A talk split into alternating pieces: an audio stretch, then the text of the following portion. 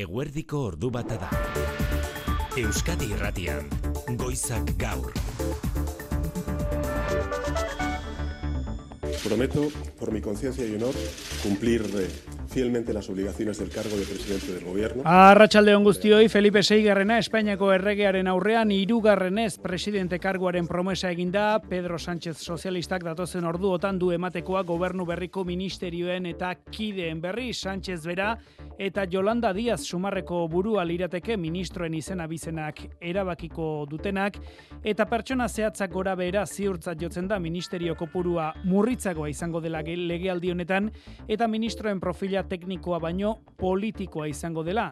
Investidura albidetu duten alderdiekin negoziazioa etengabea izango baita eta aurrean izango duen oposizioa erasokorra espero dutelako ere bai. Espainiako kongresuan berriena da amnistia legea premiaz tramitatu dadila eskatu berri dutela ez soilik testu aurkeztu zuten sozialistek, baizik eta baita Sumarrek eta Euskal Herriko, Kataloniako eta Galiziako talde abertzale guztiek ere. Legea aipatuta Inigo Urkullu lehendakariak legebiltzarreko kontrol saioan gaur adierazi du aukera zabaldu dela Euskal Nazioaren aitortza egiteko Espainiar estatuan amnistia legearen onarpenak agerian utzi duen neurrian debekatuta ez dagoen oro posible dela.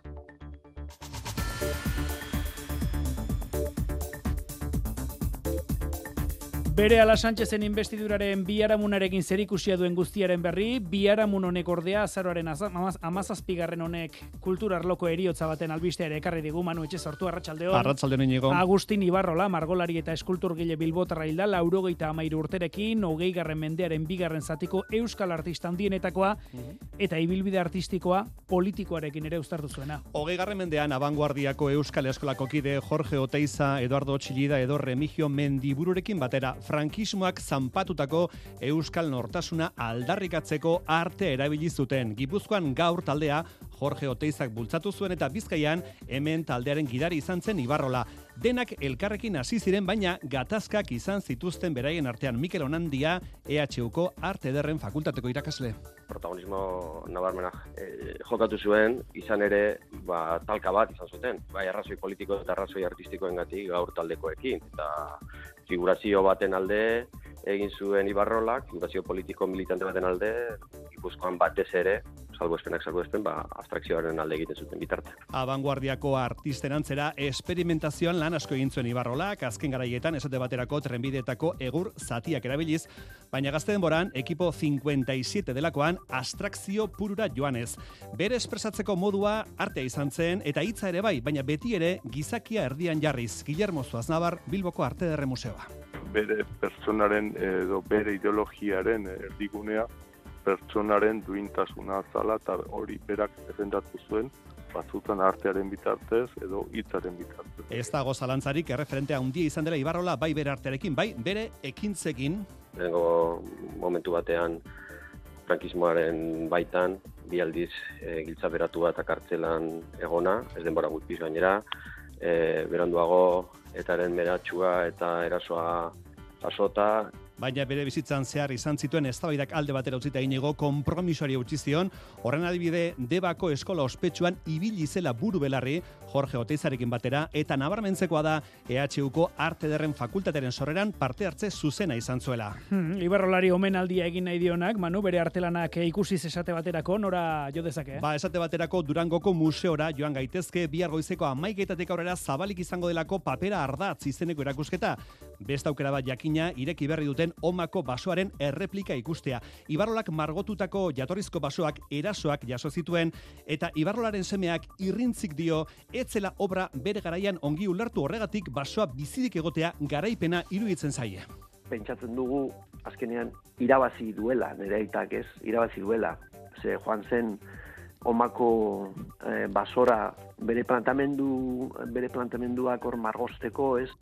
Eta Ibarrola hildela jakin bezain pronto, Bilboko Arte Museoak berari propio eskenitako aretoa prestatu du. Euskadi Erratiko kulturleioan luz eta zabalariko gara gaur, Agustin Ibarrolaren figura zordu bitardietatik aurrera aurrez albistegi honetan jasoko ditugu agintari eta ordezkariek utzi dizkiguten gogoetak. Gainerako lerroburuetan igotza alkorta arratsaldeon. Baita zuri ere inigo. Gazako ondamendiaz deilarria egin du beste baineren nazio batuen erakundeak eten da dago giza laguntzaren banaketa, erregai falta eta komunikazio etenaren ondorioz eta gosete arriskuan dira gazako herritarrak. Bien bitartean gaza iparraldean zein hegoaldean ez du etenik Israelen erasoaldiak zibilak izaten ari diren kaltez galdetuta Benjamin Netanyahu Israelgo lehen ministroak hause. Minimal civilian casualties, but unfortunately, we're not successful ez direla arrakasta izaten ari zibilak ez kaltetzeko aleginean. Alaxe esan dunetan jahuk estatu batuetako CBS telebistan.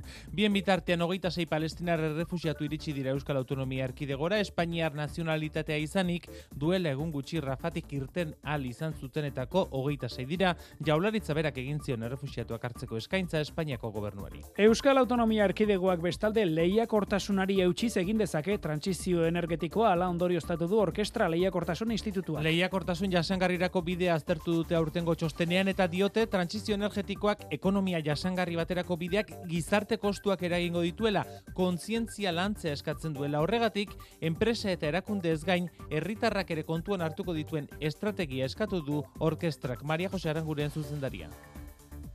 Gomendiotako bada, hiritarrak beraiek ere hobeto ulertu, ezagutu eta kontzientziatu behar degula ingurumenarekiko eh, jasangarria den eraldaketa honek ze suposatzen duen eta orduan ba, eraikitzen dugun estrategia horretan garrantzitsu izango dela baita ere, ba, enpresak, e, gobernuak eta ezagutzako erakundez aparte, hiritarrak ere bai implikatzea. Eta Donostian, Gipuzkoako lurralde auzitegian herri epaimaia eratu hasi dute Santikoka gaztearen hilketara buruzko epaiketa. Amazazpi urteko gaztea 2008ko apirilean gaugiroan jipoitu zuten Donostiako nautikoko diskotekatarian hiru egunera hiltzen. Ustezko sei erasotzaileetatik bost eseriko dira akusatuen aulkian, seigarrena ies eginda baitago. Astelenetik aurrera berrogeita marlekukok eta hogeita bosperitu deklaratuko dute, koka familiaren abokatua da Eduardo Ruiz Derentxun. Bueno, pues la familia espera eh, comprensión, empatía y luego pues que se analicen que se analicen las pruebas con, con, con rigor. Familiak frogak zorrostasunez aztertzea eskatu du auzipetuak zigortzeko adina zantzu badaudela iritzita fiskaltzak eta koka sendiak hogei urteko kartzela zigorra eskatzen dute ustezko erasoitzaile bakoitzarentzat. Errepidietan ez dago aparteko eragozpenik, trafiko arduradunek esan digutenez, eguraldiari dagokionez, Olatz Principe Euskal Metarratxaldeon. Barkatu oitnez dut? Olatz Principea, Arratxaldeon.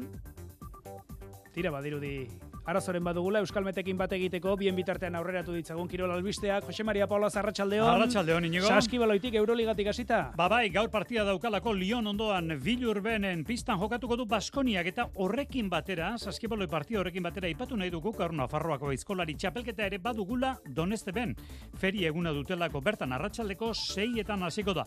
Eta favorito nagusia Iker Vicente da marka jartzeko asmotan gazteak. Gaur 9.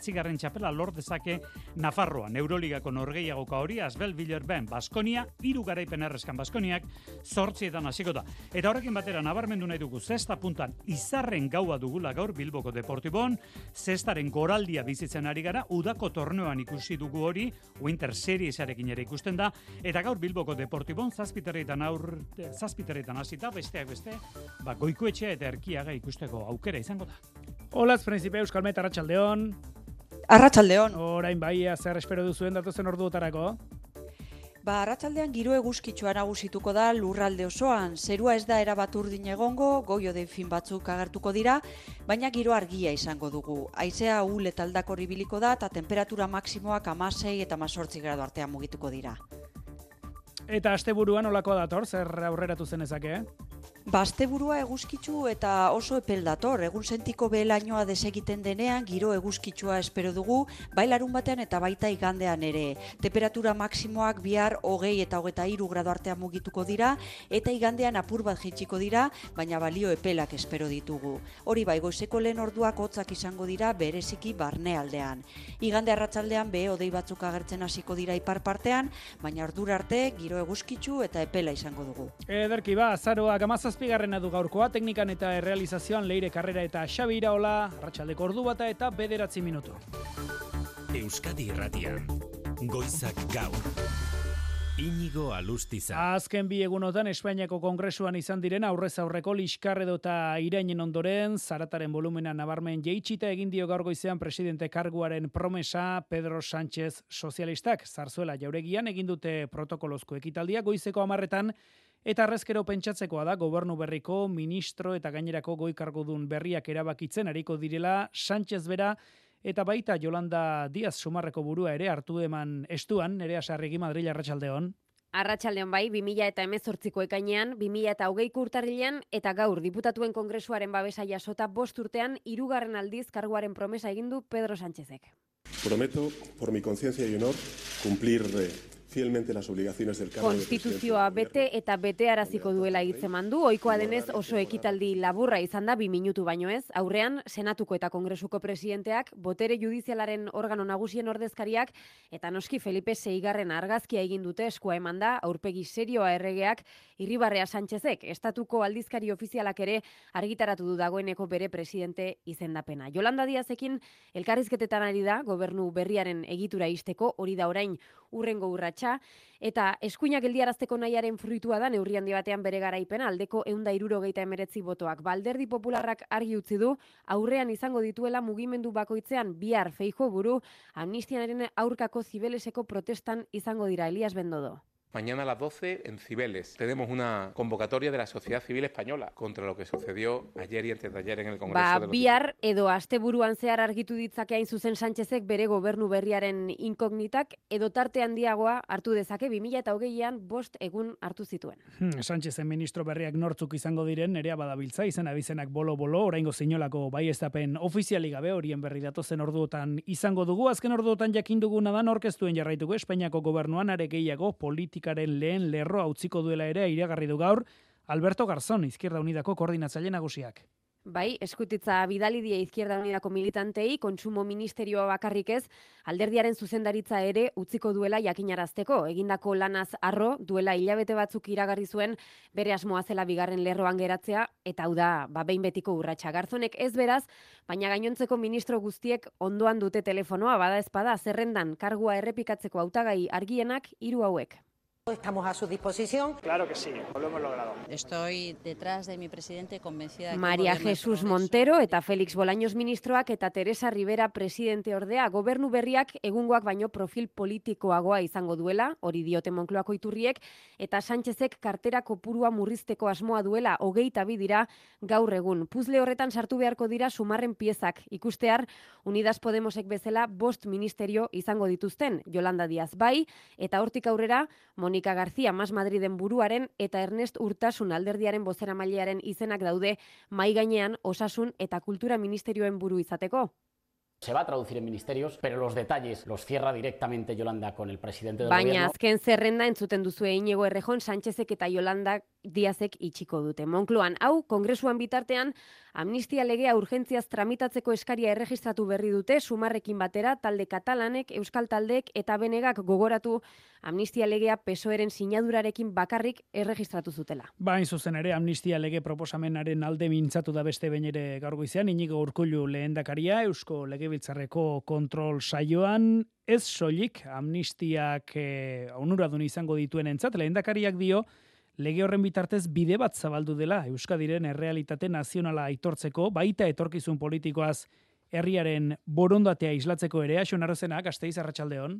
Arratsaldeon amnistiaren lege proposamenak irekitzen dituen aukerez hitz egin du bai Inigo Urkullu lehendakariak eta irekiko dituen bideak aipatzerakoan esan du debekatuta ez dagoena posible bada aplikatzea ikuspegi berarekin bidea ireki dela estatuaren nazioanistasuna onartzeko eta hor kokatu du lehendakariak Euskadiko errealitatea. Bere esanetan bidea ireki baita Euskadiren nazio izaera aitortzeko eta bidea ireki da erantzi du herriaren gehiengoaren naia jakiteko dauden tresnak erabiltzeko. Hori bai Euskadin lortu behar dela ezer baino lehen akordio bat dio eta lehendakariak argi du ezberdinen artekoa eta aldebikotasuna defendatu du. EH Bilduk egindako eskaeraren aurrean izan da. Nerea Kortajarena eta Inigo Urkullu urren ezurren. Aukera historiko hau aprobetsatu egin behar dugula eta ambizioarekin egin behar dugula gainera inork herri honen borondateari muga aspirazionalik jartzea onartu gabe eta argi dugu herri bezala egin behar dugula. Dena gara abertzaleak eta ez abertzaleak herri honen parte zuentzako ez dakit, ez dirudi.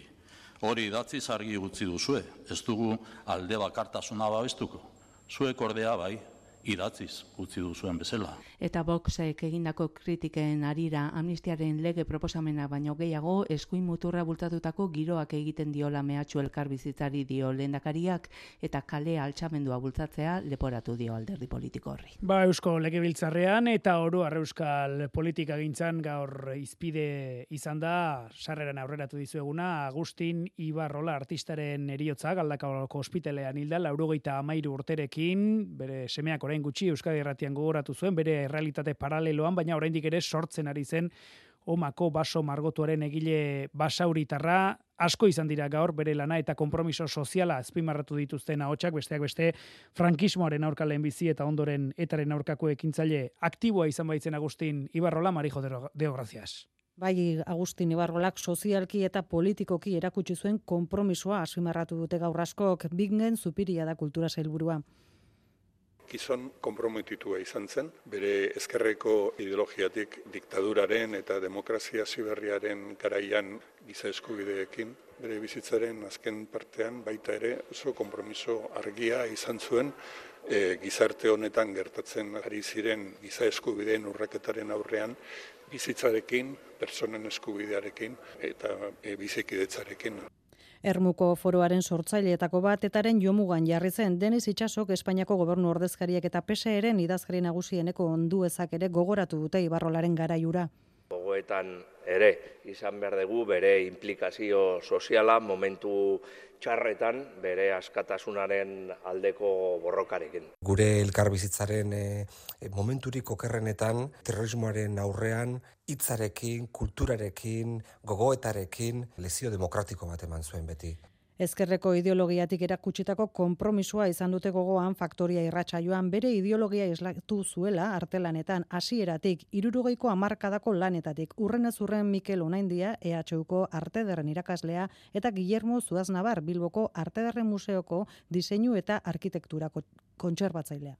Formaren bidez e, bilatzen zuen mesu politiko argia oso impactantea. Gatazka sozialak, grebak, e, poliziaren errepresioak. Bere ideologiaren erdigunea pertsonaren duintasuna zala eta hori berak defendatu zuen batzutan artearen bitartez edo hitzaren bitartez sare sozialetan ere dolumin eta eskertzan mesu ugari Euskadiko komisionezek esaterako eskertu egin dio euren irudia sortu izana Ibarrolaren kromletxa. Terrorismoaren biktimeren elkartearen sortu zuela baita ere gogoratu dute Covidetik.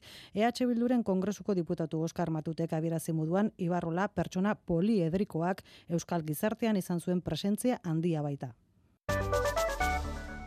Ordu bata eta ia emezortzi minutu, gazan laguntza humanitarioaren banaketa erabat geldirik dagoela jakinarazi du gaur nazio batuen erakundeak. Erregai faltak eta komunikazioen itzalketak eraginda ezinezkoa dute elikagaiak eta ura banatzea. Epe laburrean, gazako herritarrak gosete arriskupean direla ere ohartarazi du Mertxetxe berri Arratsaldeon. Arratsaldeon azken orduko berria da inigo egunean bi erregai kamioiren sarrera baimendu duela Israelgo gobernuak ala zabaldu dute gerra kabinete arteko iturriek hori egikaritu zai unionetan erregairi gabe eta bigarren egunez komunikazioak etenda laguntza banaketa erabat geldiri dagoela baiestatu du nazio batuen erakundeak luze gabe gosetea larriagotu eta gose ziltzeko arriskuan direla gazako herritarrak ba berehala neurriak hartu ezean. Gerrari berari dagokionez gutxienez laurogei hildako eragin ditu Israelen bombardaketak nuizera errefuxatu gunean gaza erdialdean edabide palestinarrek jakinarazi dute dutenez.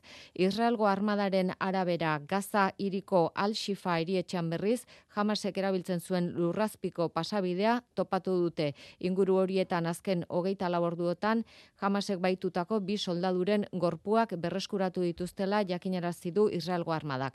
Gazako erasoaldian biktima zibilak alik eta gutxien izan daitezen, ahal egintzen ari direla adierazi du Benjamin Netanyahu Israelgo lehen ministroak we'll try to finish that job with minimal civilian casualties, minimal civilian casualties, but unfortunately. Baina zoritxarrez arrakastarik ez direla izaten ari, ahalegin horretan hori dio Netanyahu. Bestetik milaka lagunek babestu dute Jerusalmen baituen senitartekoek deitutako martxa, jamasen esku dauden berreundi gora baituen askatasuna ziurtatu dezala eskatzen ari dira unionetan Israelgo gobernuari. Ba, Euskal Herriera hasi dira, errefuxiatu palestinarrak iristen, gazatik, hogeita sei iritsi berri dira, jaurlaritzak dituen arrera zentroetara, Espainiar nazionalitatea ere izanik, duela egun gutxi, Rafatik irten al izan zuten palestinerretatik hogeita sei dira, Jonan Fernandez, jaurlaritzako trantsizio sozialerako idazkariak, eman ditu gaur goizean azalpenak, ainera Rubio Basteiz Arratsaldeon. Arratsaldeon goizeko seiterdietan iritsi dira Euskal Autonomia Erkidegora, Bart, Kairotik Madrilera bidaiatu eta gero, lau familia dira, hogeita sei pertsona guztira, horietatik amairu adin txikikoak. Jaurlaritzako asilo eta migrazio zuzendaritzaren zaintzapean, momentuz ez dute jakinarazin non dauden, gazatik irtenda, deskantsua eta lasaitasuna emango zaieleen ordu hauetan, honik baina nekatuta heldu baitira Jonan Fernandez jaurlaritzako trantsizio sozialerako idazkari nagusiak esan duenez.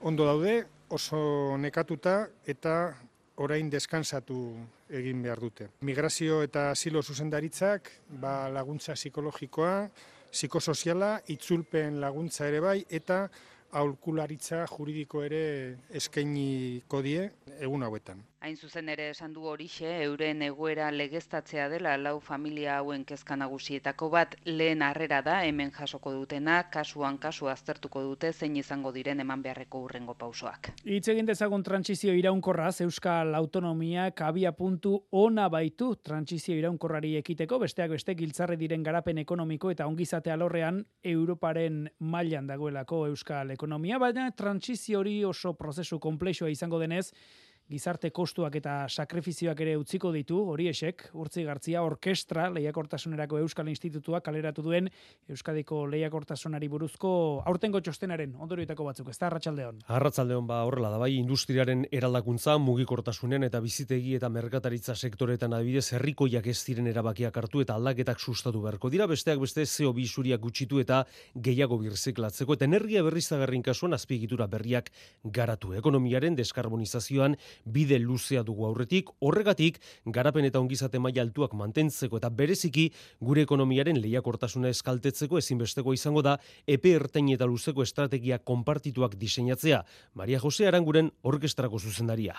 Eraikitzen dugun estrategia horretan garrantzitsu izango dela baita ere, ba, enpresak, e, gobernuak, ba, estrategia partekatu horretan hiritarrak ere bai implikatzea. Zailtasunak zailtasun, transizio jasangarrian edo iraunkurrean aurrera egiteko abia puntuena du Euskal Autonomia Erkidegoak. Biztanleko barne produktu gordinean, e, koizkortasuneko adierazletan edo errentagarritasun mailetan, ba, Europako batez bestearen gainetikan gaude, berrikuntzan daukagu e, baita ere salto bat emanda eta berrikuntza e, berritzaile senduen artean gaude Europan. Hori bai, jarreta jarri beharko zaie batetik enpresa txiki eta erteine berrikuntzan jauzi bat egiteko duten zaitasunari eta bestetik aberastasunaren banaketari gehien dutenen eta gutxien dutenen arteko arrakala onditu egin baita azken urtean inigo. Gazte izen bestalde, Michelingo zuzendaritzak lan batzordeari jakinarazi dio ekoizpena aurreikuspenak aldatu egin direla eta aurten iru mila tona neumatiko gutxiago aterako direla arabako lantegitik neurriakia seion langileri eragingo die jai orduak kenduko dizkie enpresak unai arregi lab sindikatuko lan batzorde batzordeko kidea. Datorren eh, abenduan itxiko duela zubian, abenduaren zubian, eta gero asteburu batean bi eta hiru asteburu horretan. RM hor kablea egiten dute eta zeta goma egiten duten taierra. Kezka purua bai, ze azkenean saltzen ez baduzu, pues ez da ona. Baina, bueno, e, hau normaltasunez, e, badaukagu malgutasun poltsa eta horrekin jola ez dugu. Ego Euskal Herriko bos finantza entitatek bestalde, laboral kutsak, kutsabankek, rural kutsak, kaixabankek eta bankoa bankak kutsazainak Euskaraz erabiltzeko kanpaina abiatu dute elkarlanean, herritarren hizkuntza oiturak aldatzea eta bereziki hizkuntza eskubideak errespetatzea nahiko lukete, ikusita esate baterako Gipuzkoan erabiltzaileen euneko hogeita zazpik soilik lehen esten duela Euskara kutsazainetan maialen arratibel arratsaldeon. Arratsaldeon bai, herritar Euskaldunak askoz gehiago diren arren, Gipuzkoan esaterako soilik euneko hogeita zazpik erabiltzen dituzte kutsazainak Euskaraz. Eta ohitura horiei buelta bat emateko, gaurtik hasi eta benduaren irura bitartean, Euskal Herriko mila eta zazpireun kutsazainetan Euskara lehenesteko mezua agertuko zaigu pantaietan. Entzu, Iñaki Egizabal, laboral kutsako personal zaieko zuzendaria. Ikusiko duna da, kutsa zainera gerturatzeakoan, irudi hau, nun animatzen degun, sautak eta hori egitera. Nolabait konfiguratzeko, ba, zu kutsa zainetan euskera nahi dezula hizkuntz bezala. Eta momentu hortatik aurrera, jazta, eh? momentu hortatik aurrera, kutsa guztiak, baita beste euskera egingo diote. Alegia, gure oiko kutsa zainean, behin hizkuntza aldaketa eginda, automatikoki gainontzeko guztietan ere, euskeraz hartuko gaituzte, aldiro hizkuntza aukeratzen ibili behar izan gabe. Aurrez aurreko harretari begira bestalde, enpresa horietako bos mila langierei banatu diete gida bat, erabiltzaiekin euskeraz eroso eta batez ere kalitatez aritu daitezen. Ordu bat eta hogeita bos minutu Gipuzkoako lurralde auzitegian eratu dute Santi Kokaren hilketa argitzeko epeiketan jardunko duen herri epaimaia. Mazazpi urteko gaztea, 2000 eta emeretziko aperilaren hogeita seian, gaugiroan jipoitu zuten Donostiako nautikoko diskoteka atarian, eta handikiru egunera hiltzen. Ustezko sei erasotzaileetatik bost eseriko dira, akusatuen aulkian, sei garrena ies eginda baitago Imanol de la Barga. Amaika gizon emakumek osatzen dute epaimai hori bi aste terdi iraungo ditu epaiketak eta astelenean hilketaren unean Santi Anaiarekin zegoen ikerkokak deklaratuko du. Berrogeita mar lekukok eta hogeita boste perituk ere erantzungo dizkiete aldeen galderei. Gaurko saioaren atarian biktimaren familia abokatu Eduardo Ruiz de Erentxunek esan du. Bueno, pues la familia espera comprensión, empatía, y luego pues que se analicen que se analicen las pruebas con familiak con, behar duela ulertua izatea empatia eta frogak zehatz aztertzea. Epaiketan martxora atzeratu egin zuten akusatuetako batek ies egin zuelako. Hau gabe ekingo zaio epaiketari fiskaltzak eta akusazio partikularrako hogei urteko kartzela zigorra eskatzen du ustezko erasotzaile bakoitzarentzat. Herri akusazio gisa aurkezten den Donosteko udalak berriz oroar 15 urtekoa baina hogei urte eskatuko lizkioke ies egina dagoenari Jose Ignacio Asensio Gipuzkoako ingurumen diputatuak bestalde, Zubietako erraustegiaren kudeak eta gatik ikertua izango den jakinarazpenik, ez duela jaso berretsi du gaur batzar nagusietan egin duen agerraldian igotz. Honen beste zukatu egin du astelenean gurasos plataformako arbidez zabaldutako informazioa aldundiko iturriek baiestatu dute gurasosen salaketa onartu ondoren fiskaltzak aztertu egin beharko duela orain Asensioren aurkako ikerketa zabaltzeko nahikoa oinarri dagoen ala ez. Ingurumen diputatuak argi utzi nahi izan du batzar nagusietan ez duela dokumenturik faltsutu eta ez duela ingurumenaren aurkako deliturik egin ala esan du. Ez dut, epaitegitatik inongo zitazio ofizialik jaso. Orain arte, Gipuzkoako ondakinen konsortzioko batzar nagusiak hartutako erabaki guztiak, legezkotasuna berresten duten txostenak eta kontuartzailetzaren eta idazkaritzaren oniritzia dute. Batzarrak onartutako akordioak beti errespetatu ditut erabat. Ingurumena zari garela, Bizkaian, ondakinak murrizteko Europako astearekin bateginez, aztarnak garbiak izeneko ekimena jarri du martxan foru aldundiak, berrera bilitako bi obra edukiontzi margotu eta barruan trebetasun jokoak prestatu dituzte gizartea hondakinek gutxitzearen garrantzia zoartarazteko. Batez ere harreta produktuak biltzeko erabiltzen diren paper eta plastikoetan jarriko dute janire gerena barrena arratsaldeon. Arratsaldeon bai, Europar batasunean ekoizten den plastikoaren euneko berrogei eta paperaren euneko berrogei tamar produktuak biltzeko erabiltzen da. Bilgarri horiek guztiak hondakin bihurtzen dira gero. Legez 2008 marrerako bilgarri denak berrera bilgarriak edo birsiklagarriak izan beharko dutenez, beharrezkoa da aldundiaren hitzetan bere ala neurriak hartzea arantza atutxa inguru naturaleko diputatua. Zelan e, egin genezake guk bakoitzak gure etxetik ontziak e, bate baino gehiagotan erabiliz, granel moduan erosita, bueno, ba, era horretako ohiturak hartuta. Bilgarriekin zer ikusia duten ondakinak murrizteak duen garrantzia soartarazteko bi obra edukiontzi margotu eta trebetasun joko sornitu dituzte, ondakinak edukiontzietara botatzean egiten diren akatsak ezagutzeko edota birsiklapenari buruzko informazioa ezagutzeko baliagarriak izango dira. Bilboko Kasilda parkean astebete zaurkitu izango dira edukiontziak, ondoren Bizkaiko beste zazpi udalerritara iritsiko dira. Eta tolosan, sei hilabete pasa greban egin ostean itzuli dira, langileak usaba alkiroldegira, hori bai, asteburuan ez da kirol instalaziorik irekiko, garbiketa eta prestaketa lanak amaitu bitarte, BPX Sport enpresak ordu erdi barru emango ditu, irekierari buruz, buruzko xehetasunak, gaur goizean jone larraina lankidea tolosan izan da, eta langilekin eta herriterrekin hitz egin duzu, jone arratsaldeon.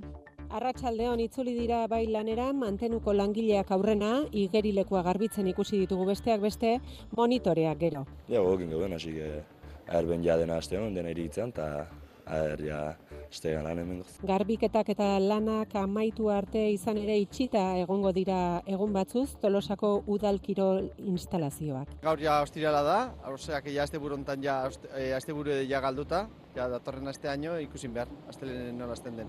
Herritarrak oraindik mesfidantza puntu batekin, baina oroar pozik.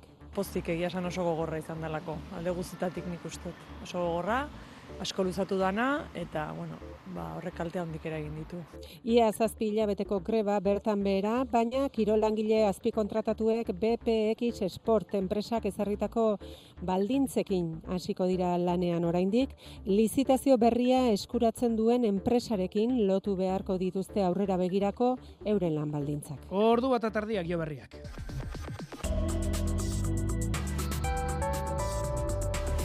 Euskadi Irratian eguraldia eta trafikoa. Aparteko eragozpeni gabe jarraitzen dugu, zirkulazioari dagokionez, ala esan digute trafiko arduradunek, eta eguraldiari dagokionez, giro epela iragarri digu astebururako euskalmetek. Narratxaldean zerua era bat urdin geratuko ez badare, giro eguzkitsua nagusituko da, soilik goio dei fin batzuk ikusiko ditugu. Haize aldakor eta uli ibiliko da, eta temperatura maksimoak amasei eta masortzik gradu artean ibiliko dira. Beraz, giro lasaia eta argia nagusituko da arratsaldean.